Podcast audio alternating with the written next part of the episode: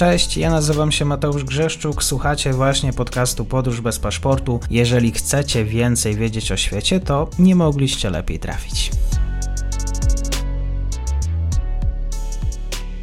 Partnerem odcinka jest Oanda, TMS Brokers, dom maklerski obecny na rynku już od ponad 20 lat. W opisie odcinka znajdziecie link do aplikacji, której możecie otworzyć konto maklerskie i grać na giełdzie, a wcześniej potrenować na koncie demonstracyjnym. Jeżeli otworzycie konto za pośrednictwem tego linku, dostaniecie na start książkę o tematyce inwestycyjnej. Zapraszam, Mateusz.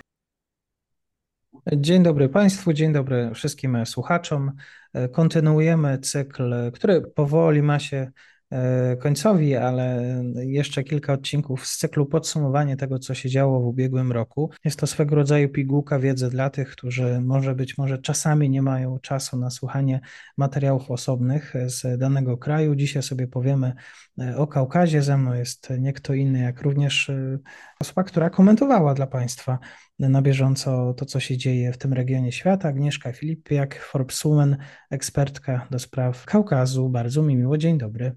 Dzień dobry. Wyjątkowo sporo w tym roku również i o Kaukazie. E, może takie pytanie na początek, bo kiedy rozmawiałem o Azji Środkowej, to oczywiście e, ja to zawsze patrzę na te tytuły, które swego rodzaju są też magnesem do tego, żeby, żeby przyciągać e, osoby do wysłuchania pewnej audycji.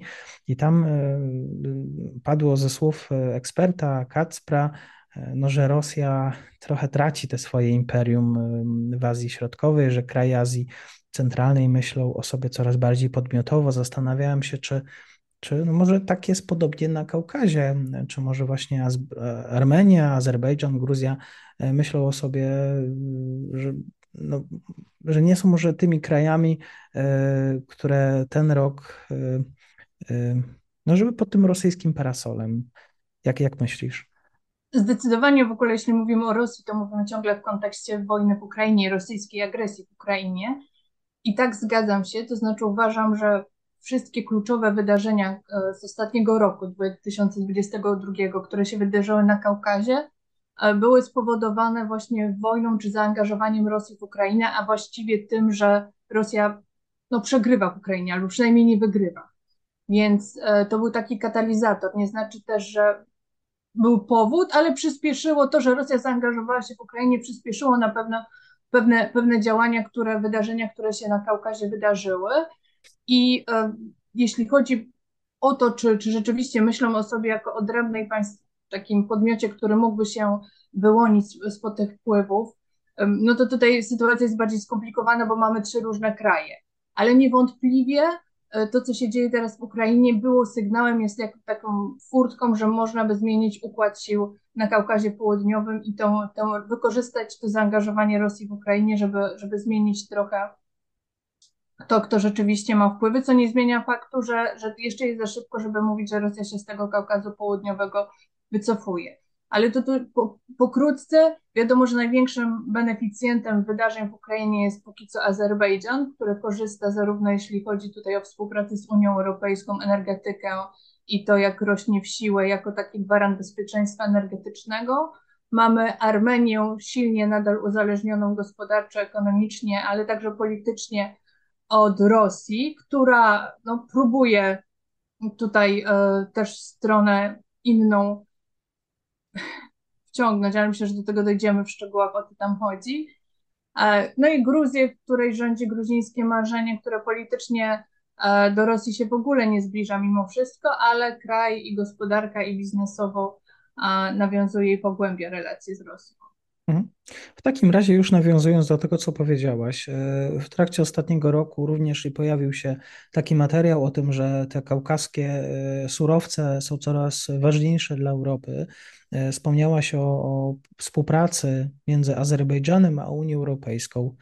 I biorąc pod uwagę dane w ciągu ostatnich dwóch lat, y, Azerbejdżan wyeksportował ponad 19,4 miliarda sześciennych gazu do Europy za pośrednictwem gazociągu TAP. Takie dane również y, podawał azerbejdżański minister do spraw y, energii. Te informacje, które płyną z Baku, te wieście, właściwie ten kaukaski gaz, oznaczają, że Azerowie coraz w większym stopniu skupiają się na współpracy z Europą. To jest dosyć ciekawy kierunek, ciekawa, ciekawa współpraca. Ta współpraca ma długą historię, bo ona się nie zaczęła w momencie w wyniku agresji rosyjskiej na Ukrainę właściwie. Ona się zaczęła już w 1993 roku, kiedy ojciec obecnego prezydenta, czyli Heydar Aliyev, e, przejął władzę i wtedy wpuścił zachodnie firmy właśnie na pola naftowe e, Azerbejdżanu i on już miał taki zamysł w tym 1993 roku, żeby być alternatywnym źródłem, e, alternatywnym dostawcą, jeśli chodzi o surowce dla Europy, alternatywnym w stosunku do Rosji. Więc w momencie, kiedy Alijew, obecny prezydent w 2003 roku przejął władzę, kontynuował tę całą politykę Rosji i Azerbejdżan e, właściwie zbudował się współczesny, tworzył to bogactwo, które on tam ma. Jest w oparciu na tym, że jest właśnie alternatywnym dostawcą e, czy gazu, czy ropy do, do Europy, głównie tej tutaj zachodniej, bo to idzie tam Włochy, ale ten gazociąg czy ropociąg, który idzie też e, przez Gruzję i Turcję potem do Europy, to w momencie, kiedy mamy lutę i agresję rosyjską już jest, więc wystarczyło tylko zwiększyć po prostu e, przepływ, zwiększyć dostawy i, i działać. Azerowie y, nie tylko w stronę Unii Europejskiej zwracają swój wzrok, ale do stałego partnera. I te relacje z Turcją są również tutaj ważne przez ostatni ten czas. to zastanawiałam się ostatnio, często też rozmawiamy e, z, z Karoliną, która się zajmuje Turcją, czy to słowo partner jest tu dobre, bo ono E, mamy bardzo bliską relację teraz, jeśli chodzi e, Azerbejdżan z Turcją. Ona się zaczęła pogłębiać w 2020 roku, kiedy we wrześniu Alijew, e, a czyli Azerbejdżan, prezydent Azerbejdżanu Alijew zaatakował Górski Karabach, jak pamiętają Państwo. Wtedy odzyskał część tych ziem, które zostały utracone w latach 90., odniósł wielki sukces tej wojnie 44-dniowej, ale odniósł go między innymi dzięki wsparciu ze strony Turcji, wojskowej, militarnej, to właśnie drony, które teraz są takie były popularne e, i darzymy je sympatią, że tak powiem, jeśli są po stronie ukraińskiej, to one jakby pierwsze testy przychodziły właśnie w Górskim Karabachu. I od tego czasu ta współpraca także wojskowa, militarna, polityczna czy gospodarcza między Azerbejdżanem i Turcją się pogłębia. Na przykład Azerbejdżan, o czym też wielokrotnie mówiliśmy, reformuje armię na wzór turecki, czyli na wzór e, armii NATO. Wojskowi e, tureccy przyjeżdżają do Azerbejdżanu, wojskowi az azerbejdżańscy jeżdżą na akademie wojskowe do Turcji, e, ale zmierzam do tego, że trudno tak z boku osądzić, kto jest tutaj silniejszy, kto dyktuje warunki i kto jest od kogo bardziej uzależniony, bo mimo, że z boku wygląda to na partnerstwo, to żaden z tych dwóch krajów e, ani, ani nie jest w pełni demokratyczny, wbrew e, właściwie Azerbejdżan to już autorytaryzm czysty, łamiący prawa człowieka. Trudno zakładać, że jest to takie partnerstwo na zasadzie jakiejś równości. Ktoś tutaj na pewno dyktuje warunki, ale tak, e, te relacje są coraz bardziej pogłębione i gdzieś obok tego jest mm, też Gruzja, która korzysta na tym wszystkim i też jest e, e, tutaj wciągnięta. Przy czym należy pamiętać, że to, co Azerbejdżan i Turcja też forsują, to taki model współpracy 3 plus 3, czyli Armenia, Gruzja, Azerbejdżan plus Turcja, Iran, Rosja. Mm, mimo że Gruzja neguje tutaj od samego początku, że nie będzie w żadnym formacie z Rosją, e, spotkania w formacie 3 plus 3 się odbywają. Przynajmniej jedno było, e, mimo że Gruzja w nim nie uczestniczy. Więc tutaj ten, ten, ta Turcja już się wcześniej pojawiła, tylko teraz też. I to, co wspomniałeś na początku, czy Rosja tutaj osłabia swoje wpływy i jest jakaś możliwość do zmiany układu sił, to właśnie Azerbejdżan z Turcją mają największe szanse w mojej ocenie, żeby zająć miejsce Rosji jako takiego głównego gracza w regionie Kaukazu Południowego. Głównie ze względu na to, co zacząłeś, czyli właśnie surowce, energetyczne uzależnienie, bo e, Azerbejdżan po prostu ma stały dochód tutaj finansowania ze względu na właśnie e, surowce naturalne, zresztą też idzie zaraz w OZE. Z drugiej strony mamy zaraz Gruzję, która jest krajem transportowym, uzależnionym też może uzależniony to nie, którzy czerpie też korzyści z tego, że właśnie e, Azerbejdżan eksportuje, ro, eksportuje ropę i, i gaz. Więc Armenia, wiadomo, kraj, który przegrał, który ciągle jest w pozycji niższej, który nie uzyskał żadnego wsparcia militarnego ani politycznego po ostatnich różnych walkach w Azerbejdżanie, więc jakby patrzeć, no to Azerbejdżan z Turcją mają mhm. tutaj najsilniejszą pozycję. W związku z izolacją międzynarodową Iranu, Iran przez ostatni czas poszukiwał partnera w Rosji. Mamy oczywiście komp wspólny kompleksowy plan działania JCPOA, który miał e, odroczyć, zakończyć zdolność Teheranu właściwie do budowy broni jądrowej. Nie wiadomo, co dalej e, z tym planem. E, były minister spraw zagranicznych Iranu oczywiście Javad Zarif oskarżał Moskwę o sabotowanie tego, e, tego procesu pojednania, o tak może w pewien sposób, ale to jeszcze niezależny wątek. E, no i po wybuchu wojny Kreml zmienił taktykę. Oczywiście jest zbliżenie irańsko-rosyjskie, ale również pojawia się tutaj partner azerbejdżański. Po co Baku współpraca z Teheranem? Na czym to miałby polegać?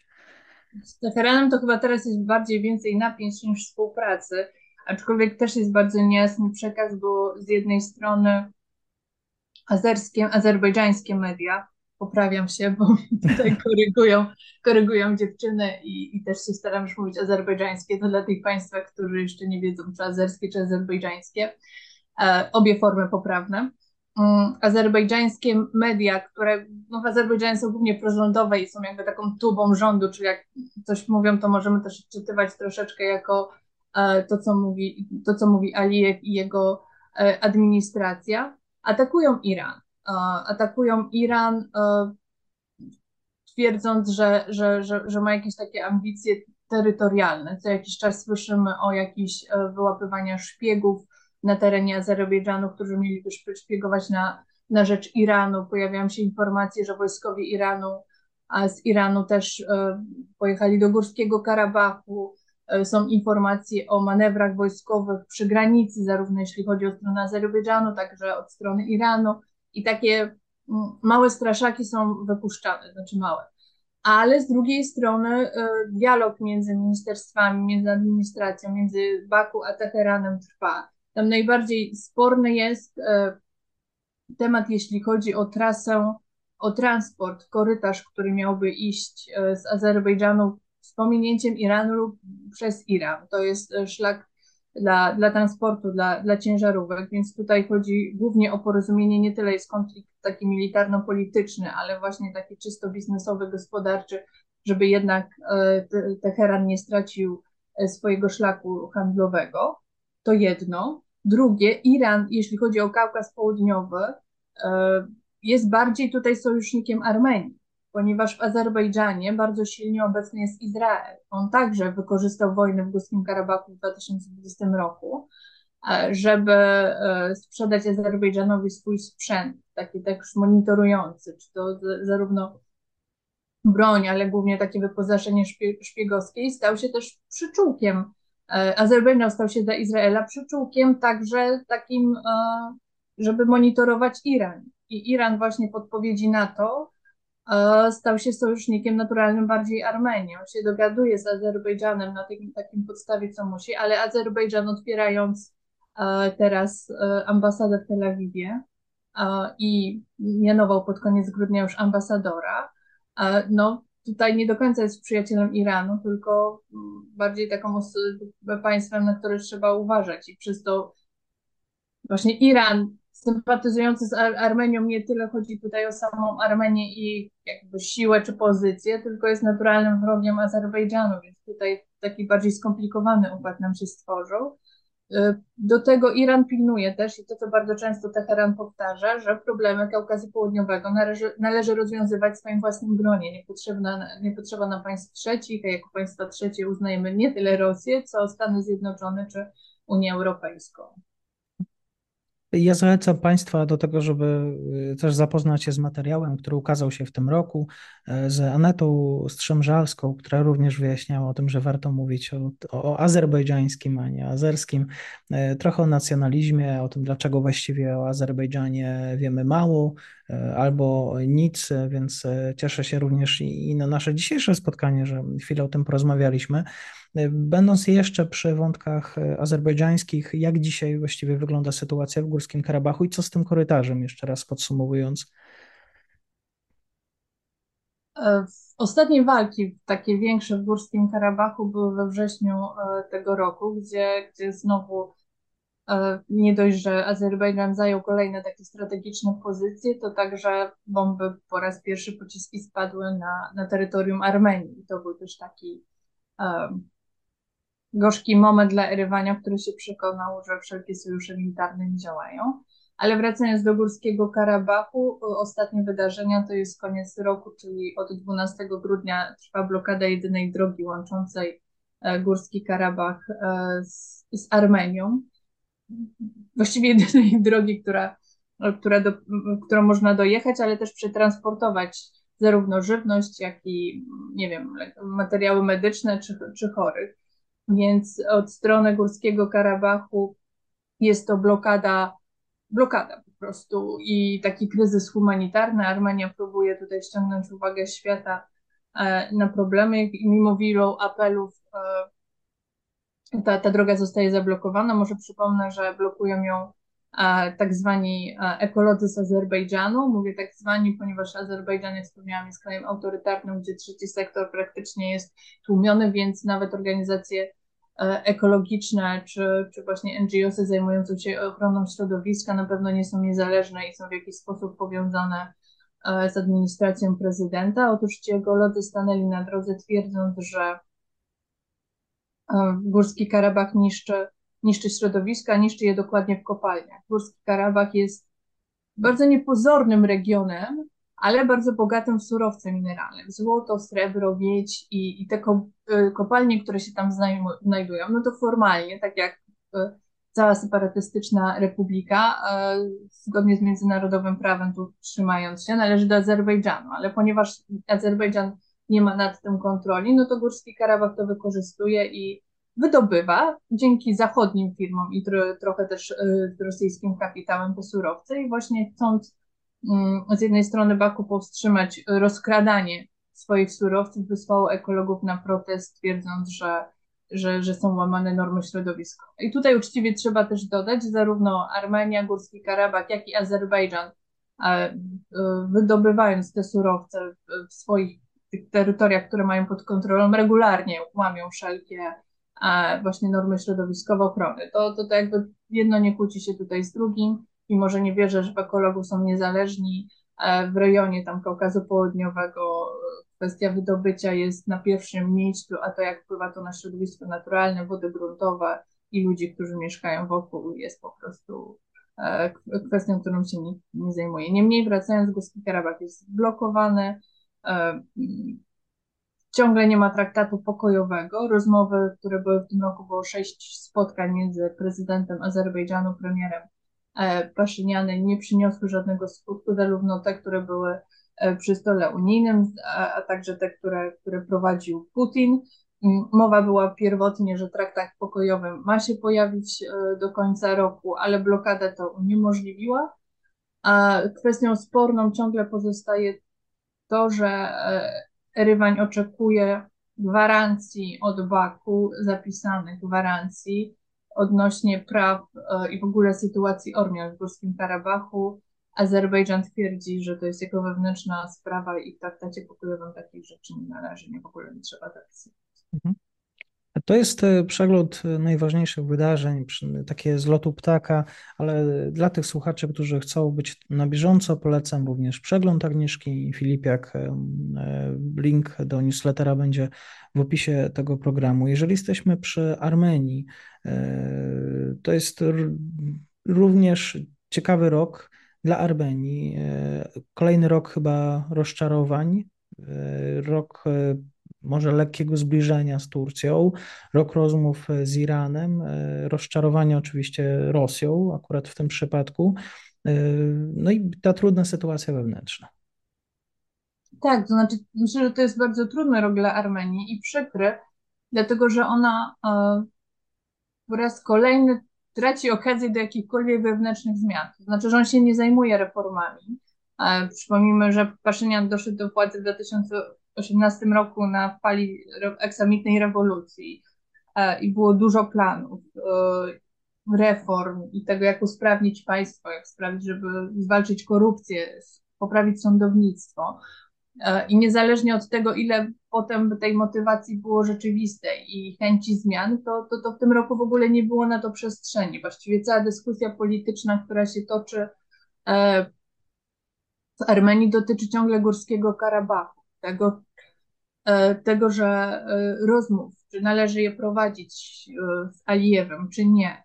Mm, opozycja stale atakuje i wykorzystuje ten motyw do podważania pozycji Paszyniana i no, praktycznie stoi, stoi w miejscu w, w tym momencie. Z jednej strony, kiedy wybuchła e, wojna w Ukrainie, e, mieliśmy pewne oczekiwania co do na przykład Gruzji, jak zareaguje, i tak samo Armenia e, przez wielu była od razu włożona do takiego pudełka prorosyjskiego. Nikt się niczego nie spodziewał po niej dobrego, co też myślę, że było bardzo trudne, bo wtedy uznanie od razu kogoś za naturalnego sojusznika agresora też nie poprawia sytuacji na arenie międzynarodowej i tego, tego postrzegania. Niemniej, tak jak mówisz, jest, e, jest konflikt polityczny, jest wewnętrzny.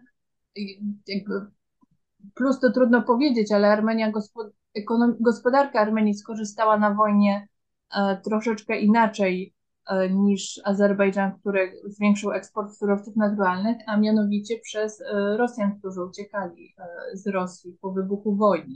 Nie tylko to chodzi o takich uchodźców politycznych, czy potem z powodu mobilizacji, ale generalnie sporo Chin w obawie o sankcje uciekło na przykład do Armenii, która zmieniła prawo i dostosowała. Zwiększyło to napływ, napływ gotówki czy finansów, w ogóle kapitału, kapitału do Armenii, więc ta gospodarka w miarę funkcjonuje, nawet nie ma zbyt wysokiej e, inflacji. Niemniej, jeśli chodzi o, o właśnie takie polityczne rozdroże, ciągle ono jest. Tak jest. E, co do Armenii, e, pojawia się również kwestia współpracy z Francją. Jakiej Francja, jeszcze raz, bo już o tym też rozmawialiśmy, miałaby mieć interesy? No, ta współpraca też ma długą historię ze względu na diasporę ormiańską, która jest bardzo silna we Francji ma silne wpływy, o czym świadczą e, przynajmniej ostatnie gesty, to znaczy mm, i rezolucje niższej i wyższej izby parlamentu francuskiego nawołujące do ochrony Górskiego Karabachu i nałożenie nawet sankcji na Azerbejdżan. E, ostatnia grupa posłów e, wystosowała właśnie też list do Macrona w sprawie odblokowania korytarza lacińskiego. To wszystko się potem oczywiście przekłada na sytuację ambasadorki Francji w Azerbejdżanie, która jest wzywana na dywanik. Niemniej e, e, Francja jest takim naturalnym sojusznikiem Armenii. To się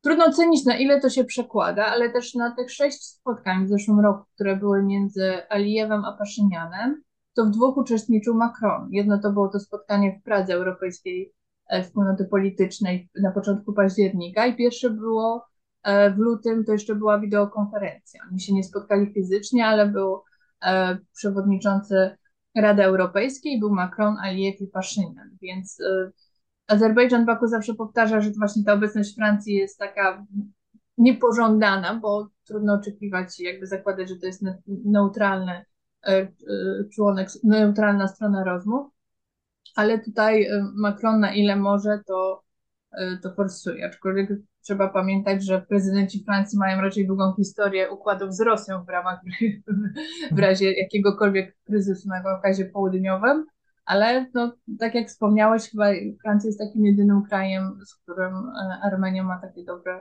e, stosunki i może zawsze liczyć.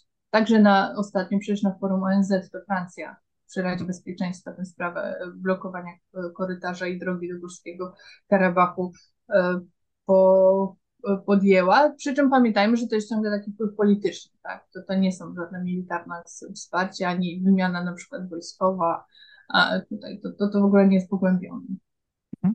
Ciekawy też wątek, który pojawił się na zakończenie roku, to wątek e, bezpośredniego transportu lotniczego towarów. E, Armenia i Turcja specjalny przedstawiciel Armenii do spraw normalizacji stosunków z Turcją powiedział, że jest możliwe e, tego typu porozumienie, co jeszcze było kiedyś mało prawdopodobne.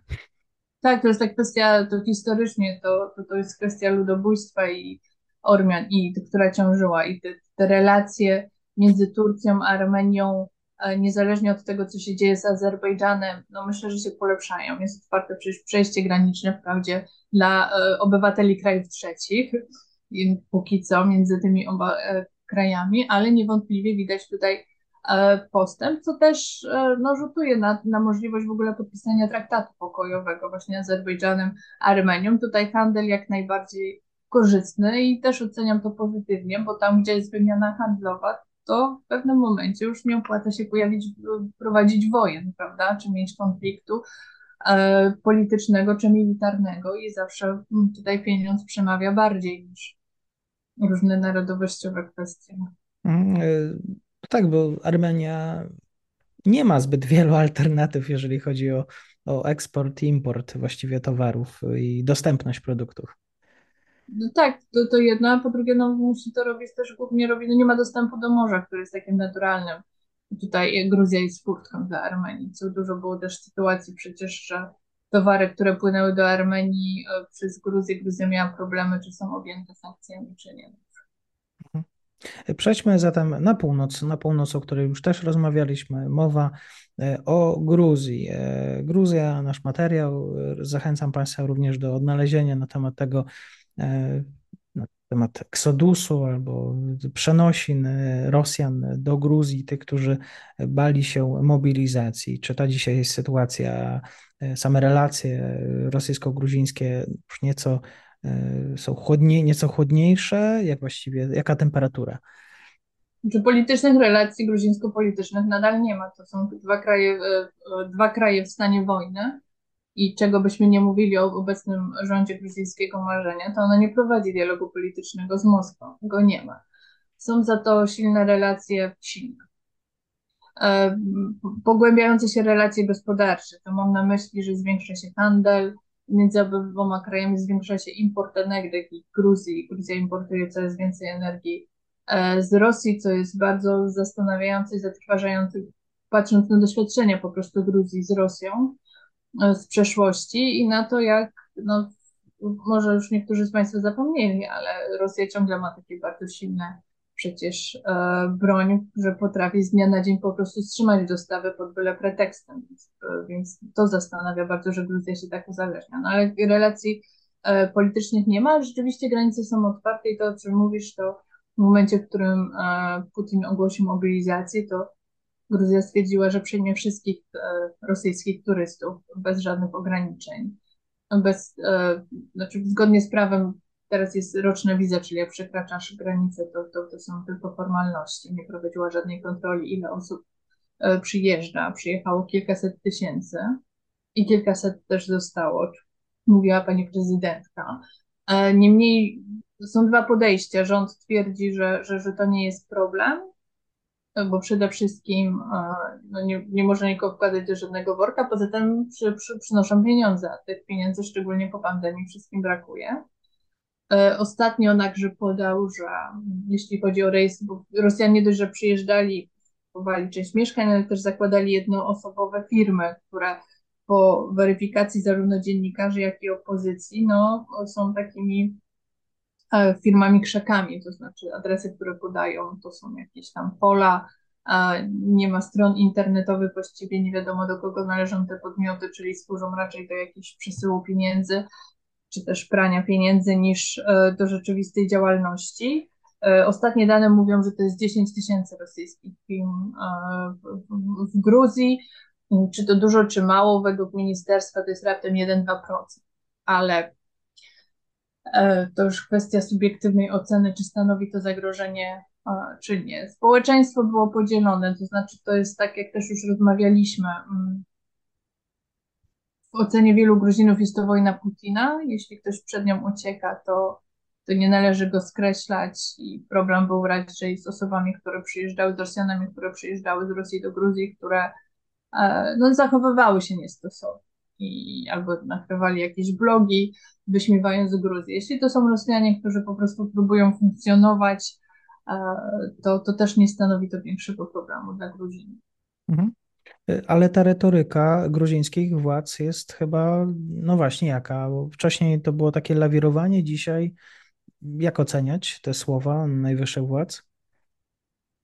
Ciągle nie jest dla nich to, to, to nie jest większy problem. Zresztą trochę troszeczkę to już przycichło. Była ta fala zainteresowania, kiedy były kolejki na granicy i była też fala zainteresowania medialnego. To trzeba powiedzieć szczerze, przecież tych korespondentów tam się zjechało spragnionych jakiegokolwiek materiału wielu, szczególnie, że te obrazki były. I było to też bezpieczne, w sensie możesz dojechać w stronę gruzińskiej e, na, na granicę. Nie ma takiego dużego zainteresowania, umówmy się teraz Górskim Karabachem, gdzie Armenia i Azerbejdżan blokują dojazdy. Ta, ten, ten, napływ e, z Rosji do Gruzji był takim bardzo wygodnym tematem i też się bardzo dużo rozszedł. Też troszeczkę z tego względu, że e, to też o czym rozmawialiśmy. Gruzja mhm. mimo wszystko mm, przez wielu obserwatorów i wiele krajów ciągle jest postrzegana jako ten kraj prozachodni. Kiedyś taki prymus, jeśli chodzi o integrację z Unią Europejską, Saakaszwilego, może nie za głęboką, ale przynajmniej taką e, też bardzo ładną obrazkową, więc były też pewne oczekiwania wobec Tbilisi, jak powinno się zachować. No i ostatnim takim oczekiwaniem od kraju, który jest w stanie wojny, który stracił dwie prowincje w 2008 roku, jest to, że otworzy granice dla, dla rosyjskich uciekinierów, niezależnie czy to są osoby polityczne, czy, czy tylko takie biznesowe, czy osoby, które po prostu nie chcą iść na front i, i nie mają żadnej aktywności politycznej e, w swoim CV. Mm, no i stąd, stąd była też taka wielka dyskusja, dlaczego Rosjanie to przyjęli, a rząd, znaczy Gruzini Rosjan, a rząd gruziński marzenia do dzisiaj powtarza, że to jest tak jak mówiłam, no, przyjechali, przywieźli swoją gotówkę. Gospodarka rzeczywiście to widać też e, w liczbach, na tym korzysta, bo te przepływy są. I nie ma problemu. Jak no język, no to, przepraszam, co mówiliśmy, no język rosyjski też jest bardziej obecny. To nie jest tak, że jak ktoś wyjdzie na ulicę w Tbilisi i zacznie mówić po rosyjsku, to może się czegokolwiek obawiać. Jak zatem rozumieć e, tę ustawę oligarchalną? No, to jest wymóg, e, jeśli już przeszliśmy do Gruzji, to, to co było najważniejszym wydarzeniem w zeszłym roku, to złożenie wniosku o członkostwo w Unii Europejskiej. Trzeba sobie jasno powiedzieć, że gruzińskie marzenie nie miało w ogóle tego w planach w zeszłym roku. No, w dłuższej perspektywie gdzieś 2025 rok, ale przez to, że Ukraina złożyła taki wniosek, to z jednej strony Tbilisi zostało troszeczkę przymuszone, z drugiej strony stwierdziło, może rzeczywiście jest to okazja, żeby ten status kraju kandydującego dostać, bo skoro dostanie Ukraina, jest jeszcze Mołdawia, to my wszyscy razem. Ale się okazało, że, że niekoniecznie, że w mojej ocenie patrząc, była to troszeczkę decyzja polityczna. Gruzja zamiast dostać status kraju kandydującego, dostała 12 rekomendacji. Wszystko, co musicie zrobić, żeby dostać status kraju kandydującego. I między innymi tam właśnie było, bez wymieniania, kto jest hmm. e, oligarchą w tym kraju, w ocenie Komisji Europejskiej, właśnie pozbycie się e, oligarchów, czyli deoligarchizacja. Więc Gruzja zgodnie z sugestią to zrobiła. Tylko zrobiła to też w taki sposób, jak większość zmian zgodnie z rekomendacjami, czyli rząd gruzińskiego marzenia wprowadza zmiany, które e, sugeruje Komisja Europejska, równocześnie mówiąc, że w nie nie wierzy, że one są w ogóle jakby to powiedzieć delikatnie, niepotrzebne, e, są złe, z, złymi zaleceniami, ale skoro chcą, odhaczymy, byleby dali status.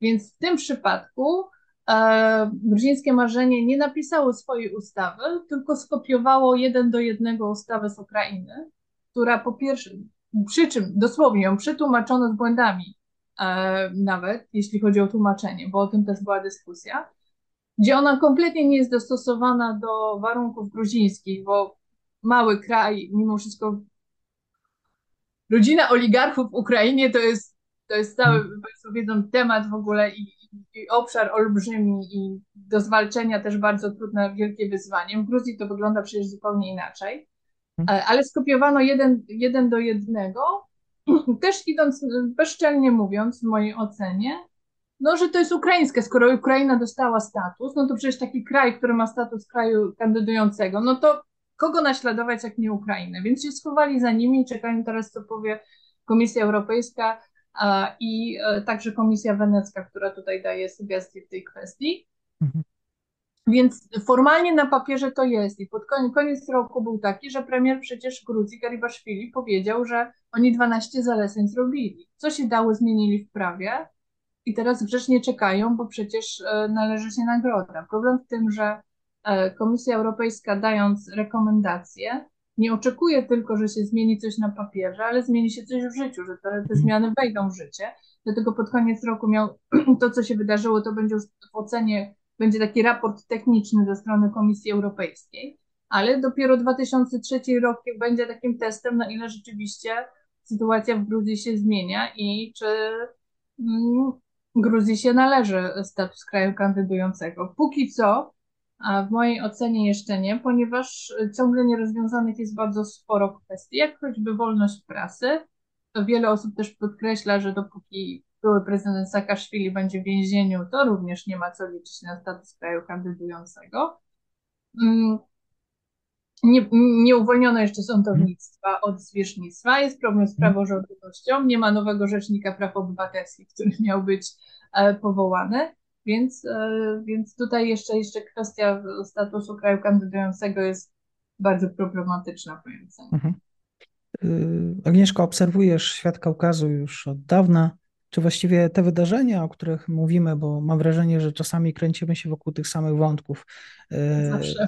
I, i, czy to jeszcze Cię w jakiś sposób zaskakuje? No bo trzeba mieć jakąś taką, e, nazwijmy to, entuzjazm badacza, kogoś, kto opisuje pewne, e, pewne wydarzenia. Właśnie, jak z, jak, jak z tym twoją, z Twoją motywacją do tego, żeby właściwie przeglądać się temu regionowi? No, ten rok był bardzo e, dynamiczny, jeśli chodzi rzeczywiście motywacji e, nie brakowało, chociaż e, dochodzę do takiej przykrej, przykrej mimo wszystko konkluzji, jak, jak w takich sytuacjach podbramkowych to, że jesteśmy, na przykład Unia Europejska szuka gwarancji bezpieczeństwa energetycznego, jak przekreśla to wszystko. I to, co teraz Państwu powiedziałam, o tych 12 rekomendacjach, na przykład odnośnie Gruzji, że tutaj e, Gruzja nie dostaje statusu kraju kandydującego i mamy wrażenie, że te relacje między Unią a Gruzją są napięte, bo tutaj co chwilę e, europosłowie przecież mają jakieś rezolucje, w których odnoszą się do sytuacji politycznej w Gruzji. Oczywiście to część, ale mamy takie wrażenie, że jest konflikt, no bo przecież to wielkie rozczarowanie, e, nie ma statusu kraju kandydującego, ale równocześnie mamy Ursulę von der Leyen, która jedzie do Bukaresztu e, i stoi za stołem, przy którym siedzi prezydent e, Rumunii, Węgier, ale też Azerbejdżanu i Gruzji, czyli Azerbejdżanu, kraju autorytarnego, bez dwóch zdań, i Gruzji, którą Unia regularnie krytykuje za odchodzenie z tej ścieżki demokracji, takiej jak sobie wybraliśmy. I za, wszyscy razem podpisują umowę na temat e, odnośnie położenia kabla na dnie Morza e, Czarnego, którym ma płynąć zielona energia, Azerbejdżan, Gruzja, potem do Unii Europejskiej. I się okazuje, że z jednej strony, owszem, może być konflikt tutaj polityczny i opozycja może patrzeć gruzińska z nadzieją na Tbilisi, no, przepraszam, na Brukselę, na ochronę pewnych praw i zasad, ale z drugiej strony to się kompletnie nie kłóci z tym, żeby podpisywać umowy, jeśli chodzi na, o dostawcę. I, i, I wiele tak jest. Azerbejdżan bardzo urósł z powodu wojny w Ukrainie i tego, co się działo w ostatnim czasie. I w momencie, w którym oni się spotykają właśnie we wspomnianym Bukareszcie, to jest memorandum, wiadomo, że potrwa lata, ale wiadomo, że, że ktoś to sfinansuje i że to w przyszłości zostanie położone. Równocześnie w Azerbejdżanie jest przegłosowywane e, ustawa o partiach politycznych, która właściwie zmiata po raz kolejny wszelkie szanse opozycji, bo wprowadza regulacje E, w stylu, że każdy członek partii musi być zarejestrowany, w sensie widoczny w indeksie takim w internecie, e, limity, ile osób musi być zarejestrowanych, finansowanie, więc e, tłamsi do Alijew w przyszłym roku, tak, w przyszłym, tym, w 23, bo on jakby 20 lat, to jest człowiek, który jest czwartą kadencję już prezydentem Azerbejdżanu, bo zniósł limit, a kadencja trwa 7 lat, więc e, mnie, może to nie tyle zaskakuje, co za każdym razem jest coś, co, co mnie bardziej irytuje, denerwuje. Y, zaskoczeniem dużym tego roku było mimo wszystko gruzińskie marzenie, które oprawia taką podwójną narrację, czyli na zewnątrz mówi tutaj o wartościach i, i Unii Europejskiej i się spotyka, ale ten przekaz dla, dla Gruzinów jest zupełnie inaczej konstruowany, czyli na przykład to, że Gruzja mm, wiemy, że nie przystąpiła do sankcji przeciwko Rosji, to było też tak szeroko dyskutowane, ale przystąpiła do sankcji finansowych i to zaraz po e, Mm, agresji rosyjskiej. O tym się też nie mówi, nie dali przekazu, bo by troszeczkę kłóciło się, więc społeczeństwo się tłumaczy, że nie możemy e, podskakiwać Rosji i nakładać sankcji, ale tam, gdzie trzeba i gdzie wymagają, bo to był nacisk Stanów Zjednoczonych przede wszystkim, e, to się dochodzi, więc moim takim zaskoczeniem było, że można właśnie tak wprost ludziom powiedzieć w parlamencie na przykład, słuchajcie, musimy to przegłosować, jest kompletnie durne, to, co chce Unia Europejska, ale musimy, bo inaczej nie dostajemy statusu. Więc są takie małe detale, które zawsze, e, które zawsze człowieka wciągają. Ten Iran, w, którym, w tym roku, który się pojawił, znaczy on był zawsze, te, te wpływy na pewno były, tylko wyszedł e, z, na tak, z takiego tylnego rzędu na pierwszy, to co Turcja robi, to co wspominałam, e, że nie do końca wiadomo, e, gdzie, gdzie są jej wpływy, kto jest silniejszy to, co się będzie dziać i to, co też czeka Kaukaz Południowy, to, co na pewno też było w Azji Centralnej, co będzie, jak Rosja przegra, bo jednak wszyscy żyjemy w tym przekonaniu, że Rosja przegra w Ukrainie, więc jak zareaguje Kaukaz, co się wtedy, co się wtedy wydarzy, czy rzeczywiście dojdzie do jakichś takich istotnych zmian, kiedy Armenia będzie na przykład w stanie podziękować bazie wojskowej, która jest. E, czy się zmieni sytuacja Osetii i Abchazji Południowej? Tbilisi teraz zmieniło trochę narrację. Za czasów Saakaszwilego który e, jakby to powiedzieć, stracił obie prowincje i to też było jakby takim też gwoździem do jego politycznej e, tutaj końca jego trumny politycznej w Gruzji, mówiąc w skrócie, ale miał taką politykę, żeby przyciągnąć szczególnie Abchazję, która nie tyle chciała zawsze do Rosji, co chciała być jak już niezależną, autonomiczną republiką, żeby ją przyciągać tym dobrobytem, tą bliskością. No i kiedy stracił, to miały być centra handlowe na granicy, taka wymiana trochę jak myśmy mieli z Białorusią swego czasu, czy z Rosją Zawodem Kaliningradzkim, tutaj na zakupy, opieka medyczna. No i kiedy przegrał władzę i stracił gruzińskie marzenia, ono jakby z definicji odrzucało wszystko, co było Saakaszwilego. Po prostu nie. No i dekadę później teraz wracają do tej polityki i to, co pod koniec roku e, się pojawiło, to zarówno prezydentka, jak i premier E, zaczynają mówić i zarówno o Osetii Południowej, jako o Abchazji, jako właśnie takich e, regionach, które chcą wspierać, a Gruzja ma być furtką do Unii Europejskiej, do, do Europy, w sensie wprost mówią, że chcą ułatwić, jakby to powiedzieć, biurokrację, żeby mieszkańcy Abchazji i Osetii Południowej mogli, przede wszystkim Abchazji, mogli dostawać dokumenty gruzińskie, a jak masz papiery gruzińskie, no to już pojedziesz do, do Europy pracować. Więc tutaj już są takie. E, więc jeśli Rosja przegra Ukrainie, to tu też może się zmienić coś. Na przykład w kontekście Osetii Południowej nie byłabym taką optymistką, ale Abchazja może jednak tutaj przybliżyć się do Tbilisi, bo swego czasu dosyć blisko była. Więc myślę, że ten temat będzie mnie nadal interesował i to, co się będzie tam działo, niewątpliwie cieszę się, cieszę się też, chociaż e, różne są oceny, że e, no, ta wojna w Ukrainie trochę też odkurzyła ten Kaukaz Południowy, jeśli chodzi o zainteresowanie zarówno ze strony Unii Europejskiej, ale także polityków w Polsce. Tak, i to jest też e, dobry prognostyk e, na, na, to, że, że może rzeczywiście będziemy wiedzieć trochę więcej. Ja zachęcam jeszcze raz Państwa do subskrypcji newslettera. E, linki oczywiście w opisie programu. Zapraszam też do obejrzenia, odsłuchania naszych poprzednich rozmów. Dzisiaj bardzo dziękuję za to podsumowanie. Agnieszka Filipiak, kłaniam się nisko. Dziękuję bardzo, pozdrawiam serdecznie. I to już koniec na dzisiaj. Zapraszam na profil podcastu Podróż bez paszportu na Facebooku, Instagramie i Twitterze. Zachęcam też do wsparcia mojej pracy na serwisie Patronite oraz Buy Coffee. Do usłyszenia.